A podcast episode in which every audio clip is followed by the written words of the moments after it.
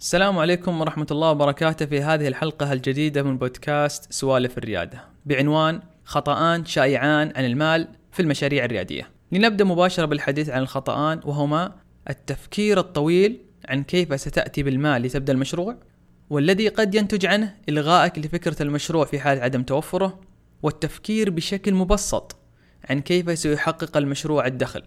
الذي قد ينتج عنه البدء من دون تفكير جيد عن كيف ستحقق الدخل للمشروع. ببساطة حديث الحلقة عن السيولة المالية لتبدأ المشروع ولاستمراره. الكثير سيتوقف كليا عن بدء مشروعه بعذر أنه لم يحصل على دعم أو قرض وفي المقابل الكثير عند مناقشة نموذج عمله تجده لم يفكر جيدا عن كيف سيحقق المشروع السيولة اللازمة ليستمر وفي الغالب تكثر هذه الظاهرة في المشاريع التقنية أو التي وجودها يكون على الإنترنت. مثلا وضعك إعلانات في مصادر الإيرادات لتخطيط نموذج العمل لا يعني أن المهمة انتهت. فعليك حقا إثبات حسابيا أن الإعلانات ممكن أن تحقق دخل يحقق استمرارية للمشروع. أو على الأقل ما هي الأمور التي يجب أن تكون متوفرة لينجح النموذج؟ هناك حل بسيط جدا لكل الخطأ. حاول صرف القليل في البداية فيما تحتاج له حقا وقم بجني الكثير ليحقق المشروع الاكتفاء الذاتي. يبدو الأمر بديهي ولكن الكثير يغفل عن هذا المبدأ البسيط. لنبدأ بالتفصيل ونبدأ بالخطأ الأول التفكير الطويل عن كيف ستأتي بالمال لتبدأ المشروع. دعني أوضح نقطة مهمة. أدرك أن هناك مشاريع تحتاج حقا لمبالغ ورأس مال لتأسيسها فهذا جزء من طبيعتها. ولكن حتى تلك المشاريع يجب على الفريق المؤسس مراجعة نفسه. والسؤال هل حقا نحتاج لوجود كل هذه المتطلبات التي ذكرناها من أجل تقديم قيمة للعميل؟ بينما هناك مشاريع لو يراجع الفريق المؤسس نفسه يجد أنه ليس بحاجة لمعظم تلك التكاليف خصوصا في البداية.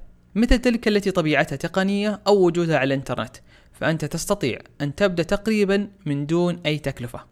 ومهما كانت طبيعة المشروع، هنا تأتي قيمة مناقشة نموذج العمل على تخطيط نموذج العمل قبل البدء بأي شيء. هل حقا نحتاج القيام بكل تلك الأنشطة الرئيسية؟ هل يمكننا حقا تنفيذها؟ هل ممكن أن نستعين بشركاء رئيسيين؟ وغيرها من الأسئلة التي يجب طرحها ومناقشتها مقدما.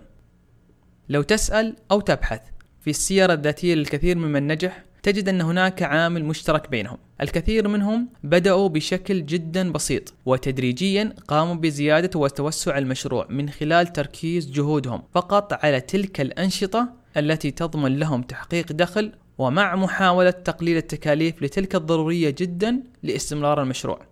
وأنت تستطيع فعل نفس الشيء.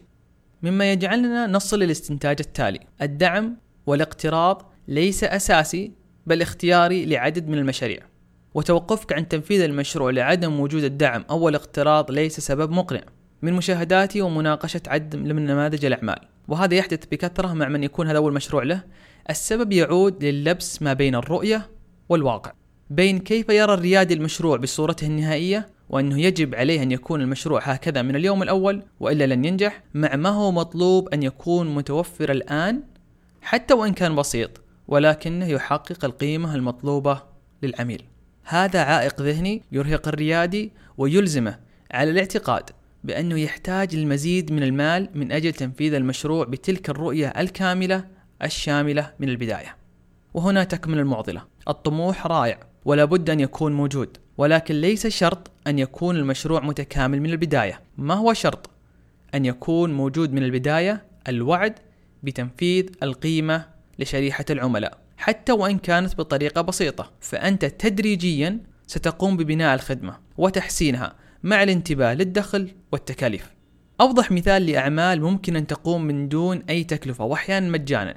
هي تلك التي تعتمد على الريادي بتقديم معرفته خبرته أو مهارته للآخرين. الإنترنت والشبكات الاجتماعية سهلت تحقيق ذلك. تستطيع أن تبدأ مدونة مجانا. ترفع فيديو مقطع صوتي صورة ملف تنشئ مجتمع وغيرها الكثير من القنوات التواصل والرفع مجانية. نحن نعيش في العصر الذهبي لأصحاب المعرفة الذين يمتلكون المعرفة ويريدون تحقيق دخل منها. مثال آخر الكثير بدأ باستخدام قنوات التواصل الاجتماعي كواجهات لمتاجر إلكترونية. إذا تكلفة البدء والصيانة لتلك المنصات تساوي صفر. يمكنك أن تبدأ من هذه القنوات إذا هذا يناسب مشروعك ومن ثم تبدأ بالتوسع. فقط تركز على توفير وبيع تلك السلع الأساسية التي يحتاج لها عملائك ثم تدريجيا تتوسع. أحيانا محدودية المصادر أو قلتها تجعلنا نأتي بحلول مبتكرة. حتى نحن ننبهر بها لاحقا. والآن الخطأ الثاني. التفكير بشكل مبسط عن كيف سيحقق المشروع الدخل. بعدما تحدد نموذج العمل الذي تريد الاعتماد عليه. عليك مراجعة ذلك النموذج حسابيا. استخدم مايكروسوفت أكسل أو ما يمثلها من البرامج للتأكد من جدوى النموذج حسابيا. إذا شريحة العملاء في ذلك السوق خمسين ألف. وأنت تعتقد أنك تستطيع أن تستحوذ على واحد في المية منهم يعني 500 عميل في البداية كم الإيرادات التي ستحقق منهم؟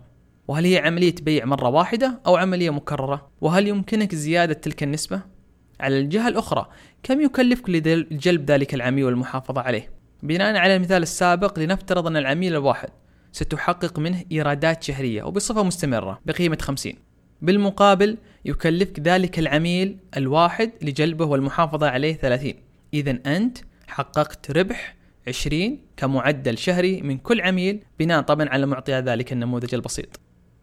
ومن النقاط المهمة في موضوع الدخل أن تسعر منتجاتك وخدماتك بناء على القيمة التي ستقدمها لعملائك وليس على أساس التكلفة. المنافسة على السعر استراتيجية غير مجدية للكثير. لذلك الأجدر أن تركز على تسعير منتجاتك على القيمة التي تقدمها لعملائك. فمن خلال دراساتك ومناقشاتك مع العملاء تستطيع معرفة الخدمات والمنتجات التي يستخدمون. وبناء على هذه المعلومات ممكن أن تصل لسعر يتناسب مع ميزانيتهم وملائم للقيمة المقدمة بشرط أن يحافظ على أن يكون نموذج عمل مشروع قابل للاستمرار والنمو. لا تعقد باقات خدماتك ومنتجاتك. تذكر منتجات أبل. لديهم منتجات محددة وفي كل منتج يقدمون باقات تتناسب للاحتياج ومسعرة على القيمة وليس على التكلفة. كثرة الخيارات تعقد عملية الشراء للعميل. حاول أن تحقق دخل مستمر. أبسط مثال على ذلك تلك الخدمات التي تقوم على نموذج الاشتراكات أو ما يشابهها التي تطلب منك مبلغ بصفة مستمرة مقابل الاستفادة من خدماتها. طبعا هناك أعمال تقليديا ليست معروفة بهذا النوع من الدخل مثل المتاجر. ولكن هذا يجب أن لا يمنعك من أن تجرب. اسأل نفسك وفريقك هل يمكن تطوير باقة من الخدمات والمنتجات باشتراك تحقق لك دخل شهري؟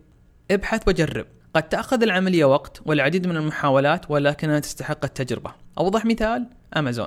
على أنها متجر ولكن لديها باقة اشتراك سنوي بقيمة 99 دولار تسمى أمازون برايم. أريدك أن تتذكر هذه النصيحة ولا تنساها. حاول صرف القليل في البداية فيما تحتاج له حقا وقم بجني الكثير ليحقق المشروع الاكتفاء الذاتي له. هذا سيساعد مشروعك على الاستمرار والنمو فأنت تريد مشروع يحقق لك الحرية المالية وليس العبء المالي.